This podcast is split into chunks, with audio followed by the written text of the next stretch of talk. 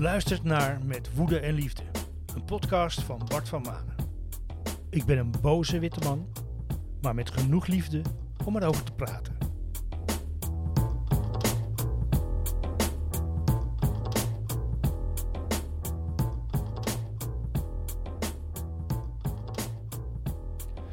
Beste luistervinken, in deze aflevering spreek ik met Bas Huibers. Een aardige kerel, maar soms ook boos. Daarna volgt nog een toetje.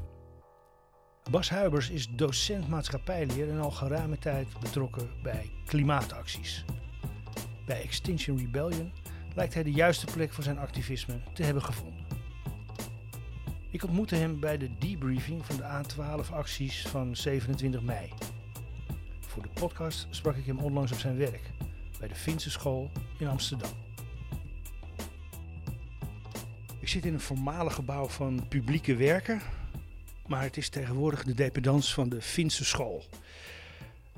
Het is een uh, Amsterdamse schoolgebouw van uh, Piet Kramer, heb ik nog even opgezocht. Um, en ik zit hier naast Bas Huibers. Hij is 48 jaar en is al bijna 20 jaar docent maatschappijleer. Uh, hij werkt sinds kort op de Finse school. Bas, waarom ben je eigenlijk zo blij met deze Finse school? Want je werkt hier nog maar sinds kort, maar je vond het, vindt het echt top. Ja, ja, ik vind het echt top. Uh, ik vind het om twee redenen top. Eén, omdat ik hier als docent helemaal autonoom ben. Um, en de twee, het zijn echt leuke leerlingen die uh, veel vrijheid en autonomie hebben. Ja, dat maakt het gewoon een feestje om les te geven.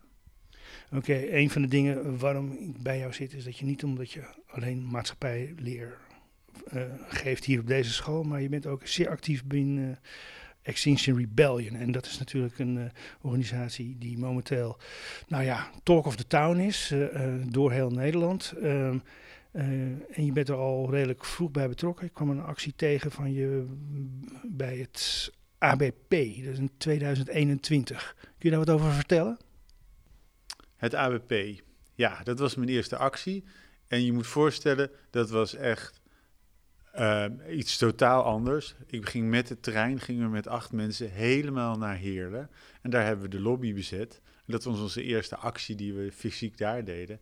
En dat dat uiteindelijk een succes wordt, ja, dat wisten we natuurlijk niet. Mm -hmm. uh, maar klopt, we hebben daar de eerste lobby gezet. Daarna hebben we hier in Amsterdam dat meerdere keren gedaan. En het is natuurlijk geweldig dat het ABP om is. En om in de zin van, ze uh, investeren niet meer in bedrijven die in fossiele industrie bezig zijn. Ja, dat, dat klopt. En natuurlijk, het is zo'n grote speler in de markt als hun dat doen, gaan nu de kleine, kleinere ook om. Ja. ja. Wat was in eerste instantie jouw motivatie om je voor Extinction Rebellion aan te melden? Uh, mijn vrouw is klimaatwetenschapper. Um, en uh, ik ben geen klimaatwetenschapper, maar wel erbij betrokken. En ik ben toch meer actief het doen. En toen, uh, ja, zo kwam ik bij deze club en toen was ik direct verliefd. Want wat maakte het zo aantrekkelijk? Of wat, wat, wat overtuigde jou van het feit dat het een goede club was? Um, dat is een, een heleboel antwoorden kan op geven, maar de korte versie is: er is geen baas. Uh, uh, we, we, zijn, we hebben een aantal beginselen en daar gaan we voor. Um, het is niet geen woorden, maar het is doen. Dus, uh, en met een relatief kleine groep mensen hebben we heel veel impact. Dat zie je nu ook weer bij de A12. Afgelopen zondag was ik bij een actie uh, van de bezetting. En jij sprak daar, omdat er een, uh, een zogeheten vingercoördinator was uitgevallen, uh, begeleidde jij de groep naar de A12. En ja, nou, je hield daar echt een toespraak waar veel mensen van, echt van onder de indruk waren. Echt, mensen stonden met geweldige tranen in de ogen, zullen we maar zeggen waar haal jij dan de motivatie vandaan om zo'n speech te houden? Want er moet natuurlijk iets georganiseerd worden maar, en wat verteld worden. Maar dat deed je heel erg goed. Ja, zo tof dat je het zegt, want ik krijg dat natuurlijk op dat moment nooit te horen, alleen uh, via een omweg. Um, maar de motivatie is gewoon heel erg eenvoudig. Op dat moment vertel ik gewoon wat, wat ik daar, waarom ik er ben uh, en wat ik voel. En waarom ik er ben, nou, dat hoef ik verder niet uit te leggen. Dat is om die fossiele subsidies uh, te stoppen. Maar waarom ik daar sta, is omdat je voelt. Het is een heel bijzonder moment net voor zo'n actie. Je voelt dat en je geeft daar woorden aan. En tegelijkertijd zeg je ook. Voel niet die groepsdruk. Als je weg kan stappen, kan je wegstappen. Want het is ook nog voor mij spannend. En ik denk dat de kern van, het, van de speech was. Uh, nou ja, dat is ook een van de dingen die mensen uh, uh, volgens mij wel eens onderschatten. Dat het ook, want jij doet het bijna om de dag, vertelde je. dat het ook heel zwaar is. Ik merkte dat zelf ook. Ik vond het echt behoorlijk uitputtend om die hele actie mee te, mee te maken. minder dan de vorige keer, want het was vrij kort. Maar merk je dat ook, dat mensen zich daarin vergissen? Dat het, dat het te makkelijk over gedacht wordt? Ja, zeker. Het is echt ervaring dat je erachter komt dat het zo zwaar is. Omdat het... Ten eerste zijn wij gesocialiseerd om dat soort dingen niet te doen. Weet je, ik, ik heb nooit problemen met de politie. Ehm, en nu, ga, nu, nu sta je oog in oog uren met ze. Dus dat, dat is ingewikkeld. Je, de spanning daarvoor, de adrenaline die afgebouwd moet worden, de, de, de hoeveelheid geluid. Uh, en dan heb je het nog ineens over het inhoudelijke. Dus het is echt, ja, het is echt in, uh, heftig. Een andere actie die misschien ook uh, uh, mensen zal verbazen, maar dat het uh, ook heel concreet kan zijn. hier in het Amsterdamse was een actie die jullie hebben gehouden bij IJmeren. Um, praktisch is het in die zin dat het isoleren van huizen scheelt energie en CO2-uitstoot. En IJmeren is momenteel de grootste woningcoöperatie. wanneer hebben jullie die actie precies ingezet en hoe verliep dat? Nou, ik denk dat we meer dan een jaar geleden hebben we eerst voor uh, gestaan met een aantal mensen en ludiek uh, gezegd: wij gaan jullie helpen uh, met isoleren. Maar dan gebeurt er natuurlijk niks. Um, dus je moet ze ergens treffen waar ze het lastig vinden. En wat vindt uh, lastig? Is dat er slecht over geschreven wordt, dat het bekend wordt. Dus wat wij toen hebben gedaan, hebben we gezegd, nou, wij, blok, wij, gaan de lobby bezetten en we gaan pas weg als jullie uh, je cijfers geven wanneer je wat gaat isoleren. Uh, gaat, gaat isoleren. Ja, en vervolgens, omdat we bezetten, is de pers er altijd bij. De pers vindt dat interessant, dus die gaan erover schrijven. Dus dat is de reden dat we er stonden. Ja. En, en hoe, is hoe staat het er nu voor met, met, met die plannen? Zijn die er gekomen of zijn er tijdslijnen aangegeven? Hoe, hoe gaat dat verder? Nou, het, eh, het, toffe wat er toen gebeurd was, dat was de Erik Gerritsen, de, de, de, bestuurder van IJmeren, die kwam gewoon naar beneden. Uh, en die ging met ons in gesprek. En daar hebben we later een afspraak meegemaakt. En natuurlijk, vanuit ons perspectief ging het te langzaam. Maar het, na een half jaar waren gewoon al die cijfers er. En die zijn overgegeven aan de uh, gemeenteraad slash uh, onze uh, onze wethouder. Dus het mm. balletje is echt gaan rollen. En dan kan je wel in je achterhoofd denken, ja, maar de cijfers, dat is echt heel erg klein. Ja, ja, dat is heel erg klein. Maar het is weer een stap in de lijn. Want op het moment dat je cijfers bekend zijn, kan je er ook zeggen, hou je eraan. En dat heeft de wethouder ook uh, serieus opgepakt, denk je? Ja, eh, zeker. Sterker nog, tussen uh, neus en lippen, hoe noem je dat, die uitspraak? had ze zelf laten vallen tijdens de raad. Um, willen jullie de volgende woningbouwcoöperatie ook niet gaan bezetten, dat we die cijfers ook krijgen? Zo ingewikkeld is het dus kennelijk. Um, even kijken, uh, gisteren was het ook Prinsjesdag en toen verscheen er ook een opinieartikel in de Volkskrant. Ik heb begrepen dat jij ook al dingen gedaan heeft, of, of, in ieder geval contact met ze hebt gehad, van Mark Bode, die van Teachers for Climate is. En hij voorspelde uh, als de politiek misschien te slecht of niet reageert op Extinction Rebellion, hè, dat de politiek zich weer eigenlijk uh, alleen maar bezig gaat houden met zijn eigen situatie en zijn, voor eigen gewin misschien reageert op Extinction Rebellion, dat er best wel eens een tendens zou kunnen ontstaan dat er mensen geweld gaan gebruiken, omdat ze denken van ja, het is weer alleen maar gebakken lucht, gebeurt niks dat de acties harder gaan worden. Ben jij bang dat dat binnen Extinction Rebellion gaat gebeuren? Ja, ik persoonlijk niet. Nee, ik ben daar echt niet bang voor, omdat we gewoon echt geweldloos zijn. Maar ik, ik kan me wel voorstellen dat er, dat er mensen radicaliseren doordat ze hard aangepakt worden en dan uit Extinction Rebellion stappen en een eigen club starten, zoals ook in Duitsland er gebeurd is. Dus uh, nee, ik verwacht dat eigenlijk niet. Nee, hij vergeleek het met de kraakbeweging. En in Duitsland heb je die, die uh, laatste generation die best wel forse acties uh, uh, doet, zeg maar. ik, ik vraag het ook omdat jij in, in 2022 zag ik een blog van je. En dat ging over strafrecht versus herstelrecht. Dat moet je zo even uitleggen, maar ik moest er ook aan denken, omdat ik onlangs op mijn eigen blog een citaat heb gebruikt van Friedrich Nietzsche, de filosoof. En die zegt ergens: het doel van strafrecht is om vijanden van de machthebbers te straffen. Het is een, een, een, vrij harde zin en uh, je moet hem even laten bezinken. Ja. Maar uh, zie jij Extinction Rebellion ook als vijand van de macht? Goeie vraag.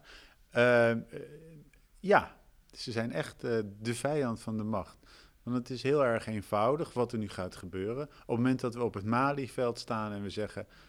je moet meer stoppen met fossiele industrie, gebeurt dat niet. Nu ga je uh, op de snelweg staan, dus het systeem kraakt. Ja, en uh, vaak is de overheid, is, is toch is, houdt toch de, de macht vast die er, die er is. En de heersende mensen die macht hebben, ja, die hebben, de meeste daarvan, hebben profijt bij die subsidies. En die worden nu hopelijk afgeschaft. Dus in dat gebied, ja, in eerste instantie ben ik het echt met niets eens dat ja, wij de vijand zijn. Alleen het is natuurlijk wel de vraag hoe je vijand specificeert. We zijn misschien eigenlijk eerder de Robin Hood. Dan even terug naar dat blog van je, want dat strafrecht versus herstelrecht, daar gebruikt je eigenlijk een voorbeeld uit het onderwijs. En als je die breder zou trekken, ja, gebeuren er andere dingen in je hoofd met, met uh, idee van straf en, en, en, fouten maken, wat dan ook. Uh, hoe ben je op dat idee gekomen van dat herstelrecht en wat is het? Nou, hoe ik het op het idee gekomen ben, dat is gewoon een collega die me daarmee besmette. Um, en de kern is heel erg simpel. In het onderwijs heb je eerst relatie en dan prestatie. En op het moment dat die relatie beschadigd is, moet die hersteld worden. Dus op het moment dat een herlatie. En, en dat is een hele belangrijke taak. En die, mm. die taak ligt bij de professional. Jij moet herstellen. Kan je niet aan een leerling verwachten. Dus uh, een mooi voorbeeld. Uh, een leerling legt een uh, punaise op, je, op jouw stoel. jij wordt boos. jij scheldt die leerling uit, maar het blijkt misschien de verkeerde leerling te zijn. Dus dat komt, komt nooit meer goed. Dus als jij als docent zegt, sorry, het spijt me. Um, en dan zal waarschijnlijk de echte dader op wel staan. En dan verdiept uiteindelijk die relatie. Dus jij als docent bent verantwoordelijk voor het herstellen van de relatie. En, daar, en daarin verder te bouwen. Zet je dat een stap groter en verplaats je dat naar het strafrecht. Ja, het zou natuurlijk geweldig zijn uh, als jij uh, ergens inbreekt en dan de schade herstelt. Um, in, in, plaats van dat je alleen een boete krijgt, omdat, maar die sieraad die is weg. Dus dat moet, vertalen we dat naar de grote bedrijven. Naar, ik noem maar iemand als, noem maar een bedrijf als Shell. Op het moment dat Shell dus niet uh, gestraft wordt voor wat hij doet, maar in het herstelrecht gestraft moet en dus de schade moet herstellen die zij gedaan hebben, ja, dan wordt het echt interessant. Dan kunnen ze niet meer zeggen, ja, wij stoppen nu met uitstoten. Nee, dat hele bedrijf moet gaan veranderen en moet het gaan herstellen. En dat zou natuurlijk geweldig zijn. Ja, dat doet mij ook uh, denken aan een uitspraak van Sandra Philippen, een, uh, de hoofdeconoom momenteel van de ABN AMRO. Want die zei ook inderdaad, subsidies dat, dat zijn eigenlijk drie dingen in dit geval. Het, zijn, direct geld uitgeven door de regering aan een bedrijf. Het zijn de belastingkortingen, die nu het grootste deel uitmaken van die fossiele subsidies. Maar het is natuurlijk ook zeg maar, de gelegenheid om te vervuilen wat vervolgens niet beprijsd is. Dus dat bedoel je eigenlijk, het herstelrecht zou in dit geval kunnen zitten in dat Philips gevraagd wordt mee te helpen de kosten te betalen voor het opruimen van hun vervuiling. Ja, eh, Philips, Shell bedoel ik dat, maar Philips zou hetzelfde zou ook, uh, ook gelden. Ja, nee, dat ja. klopt. Dus dat je mee, dat je, dat je de schade die je gemaakt hebt herstelt.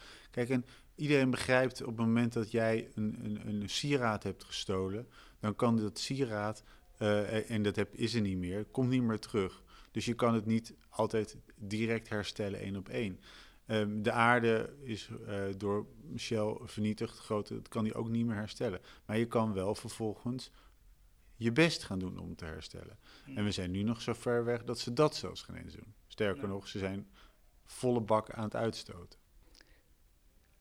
Uh, nu hebben we dus gisteren um, Prinsjesdag gehad. Uh, Extinction Rebellion is talk of the town. Uh, het ministerie zelf heeft uh, aangegeven dat de subsidies misschien wel eens meer dan 40 miljard bedragen. Ook opmerkelijk trouwens dat ze er zelf mee komen. Hoe denk je dat het verder gaat de komende maanden? Want barst natuurlijk een politieke discussie los met 22 november nieuwe verkiezingen. Hoe, hoe, schat jij deze ontwikkelingen, die ze nu opeens parallel lopen, hoe schat jij die in? Um, nou, ik kan niet in de toekomst kijken, maar um, hoe schat ik dat in? Ja, kijk, als je echt machtig bent, dan, uh, uh, dan praten we hier niet over, subsidie, over fossiele subsidies. En daar praten we nu over. Dus die eerste grote stappen gezet. We de meeste mensen in Nederland weten nu wat fossiele subsidies zijn. Um, ja, ik hoop natuurlijk dat er gas gegeven wordt nu. Haha, grapje. maar dat er dus hard dat het gedaan wordt. Ja, de eerste tekenen zijn niet zo positief. Hmm. Het is uh, in, in uh, ja, ik weet het echt niet. Maar ja, wij als Extinction Rebellion blijven natuurlijk op die weg zitten dat het opgelost is. En ja, ik verwacht eigenlijk wel dat die stappen nu gezet gaan worden. Want er is, er is zo'n brede consensus nu binnen de politiek aan, van mensen ontstaan die zich uitspreken ervoor dat we dat moeten doen. Ja, dat we gewoon volgens mij niet meer kunnen wachten. En je kan ook niet meer wachten tot en de verkiezingen en dan de formatie is geweest en het dan gaan uitrollen. We kunnen het al gaan doen. Ja. Dus volgens mij moeten we eigenlijk morgen al beginnen. Uh, word ik uh, ook weer regelmatig horen en ook gisteren weer. En um, bij uh, VNO-NCW doen ze dat, maar ook bij andere clubs. is er dan gezegd wordt, ja, we kunnen het niet alleen doen, we moeten het in Europees verband doen, op zijn minst. ik, ik, ik word daar nogal treurig van, van dat soort argumenten. Dat is een herhaling van zitten en dan gebeurt er dus steeds niks. Hoe, hoe kijk jij daar tegenaan? Ja, treurig en woest. Het, het is, ja, het is gewoon eh, de verantwoordelijkheid van je afschuiven. En dat is natuurlijk de, we hebben nu 13 jaar Rutte gehad. Die heeft dat laten zien dat dat een, een goed werkend model is. Ja, ik kan alleen maar zeggen, we er alsjeblieft mee stoppen. En het begint, kijk natuurlijk, het klimaatvraagstuk en het oplossing is een ingewikkeld iets. En je doet het op verschillende vlakken, weet je, je doet het persoonlijk. En daarin weet je dat de impact natuurlijk heel klein is wat je persoonlijk doet. Maar het zorgt er wel voor dat je ermee bezig bent, dat je andere mensen besmet. Dan heb je dat op medio, dus, dus op je werk. Nou, daar kan je ook invloed hebben. En ja, het moet natuurlijk politiek landelijk gezien. En die, ja, die bedrijven moeten natuurlijk gewoon om. Ja, en daar moet gewoon gas op. Dat is zo duidelijk dat daar wat aan gedaan moet worden. Hm. Um, en afschuiven is gewoon laten zien, ja, ik ben eigenlijk nog verbonden met uh, uh, de machtige partijen. Die vind ik belangrijker dan de toekomst van, uh, van onze kinderen. Hm. Zijn we weer terug op school, de Finse school. Gebruik jij deze klimaatproblemen die er zijn ook in je lessen maatschappijleer? Nou ja en nee. Wat belangrijk is om te weten is dat je als docent maatschappijleer is het echt een kan je niet neutraal zijn. Als je neutraal bent, dan de kinderen weten zo duidelijk dat je het niet bent, de leerlingen. Ze voelen wat je bent. Dus je moet, je, je moet gewoon kleur bekennen en duidelijk zeggen, dit vind ik. Um, en dit draag ik uit. En daarin draag ik dus ook het klimaatprobleem uh, uh, uit. Tegelijkertijd ben ik de pedagoog voor de klas. En er zijn er een aantal die zullen het niet met me eens zijn. Daar moet ik ook gewoon een goede docent voor zijn. Dus het is echt niet zo dat je geen voldoende krijgt als je niet uh, stemt of voor, het, of voor het klimaat bent. Maar het, ja, het is een verantwoording um, en ik ben er zeker mee bezig. En je, ja, je kan er ook niet omheen, want steeds, uiteindelijk gaat maatschappijleer natuurlijk over uh, hoe je gesocialiseerd bent, hoe je daar bewust van bent en hoe je daar invloed op uit kan oefenen. Um, ja, en dat is politiek. En daar, ja, de, je kan moeilijk politiek behandelen en het klimaat vraagstuk negeren. Nee. En zijn, zijn er leerlingen die er uh, uh, echt heel anders op reageren dan jij? Er zijn zeker leerlingen die anders Ja, ja en echt, echt, echt duidelijk. Dat is ook uh, helder. En tot nu toe lukt het me altijd dat als ik een tijd lang dat ze me kennen, dat we zelfs lol kunnen hebben met elkaar. eh, omdat we samen een gemeenschap zijn, eh, maar dat we het echt niet eens zijn. Ehm, hoop ze natuurlijk wel te overtuigen en dat lukt ook zeker niet altijd. Mm. Nee, dat vind ik ook niet erg. Dankjewel.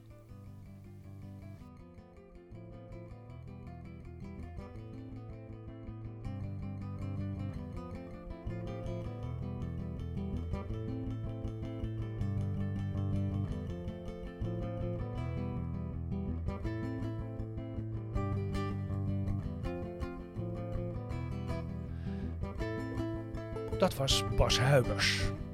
Dan nu een toepasselijk toetje. Een actietoetje, mogen we wel zeggen. Op woensdag 27 september was mijn geliefde filmtheater AI Filmmuseum gesloten voor een besloten bijeenkomst. Diezelfde ochtend hoorde ik dat er eind van de middag een actie zou plaatsvinden door Extinction Rebellion. Die besloten bijeenkomst was namelijk georganiseerd door de KLM. Na een afspraak fiets ik er even langs. Waarschuwing vooraf: deze korte en geïmproviseerde opname is van slechte kwaliteit.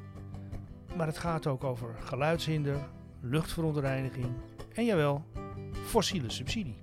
Want de kerosine voor KLM wordt getankt zonder BTW.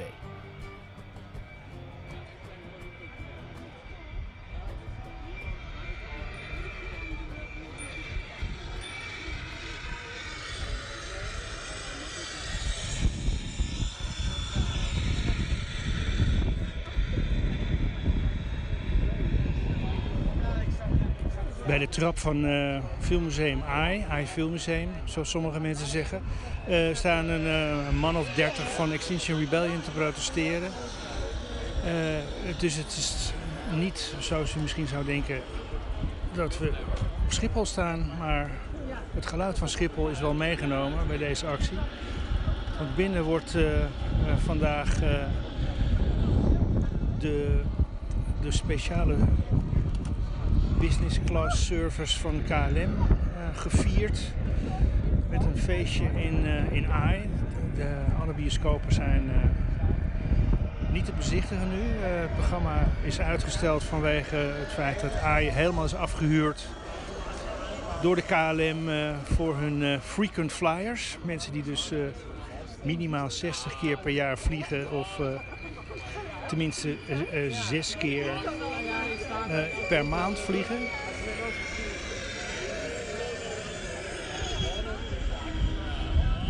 En dus is eh, het gewone volk niet, eh, niet gewenst. Eh, maar die rijke mensen die zoveel vliegen, eh, nodig of niet nodig, dat is de vraag.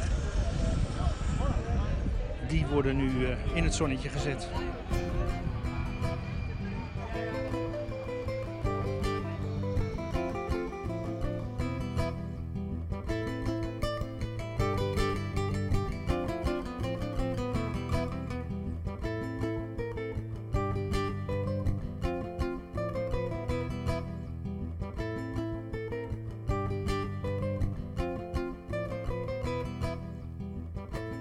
Dit was Met Woede en Liefde, een podcast van Bart van Manen in samenwerking met Studio Klankplank. Dank aan Bas Huibers en de Vriendelijke Rebellen. Meer over mij in de show notes. Hulde blijken, vragen en suggesties kunnen ook naar mail.klankplank.nl. Wil je deze podcast steunen, dan kan dat via petjeaf.com met woedeliefde aan elkaar geschreven. En dat is voor een klein petje. En voor grotere petjes even contact doen. Dan word ik misschien minder boos, maar ik blijf praten. Tot de volgende keer.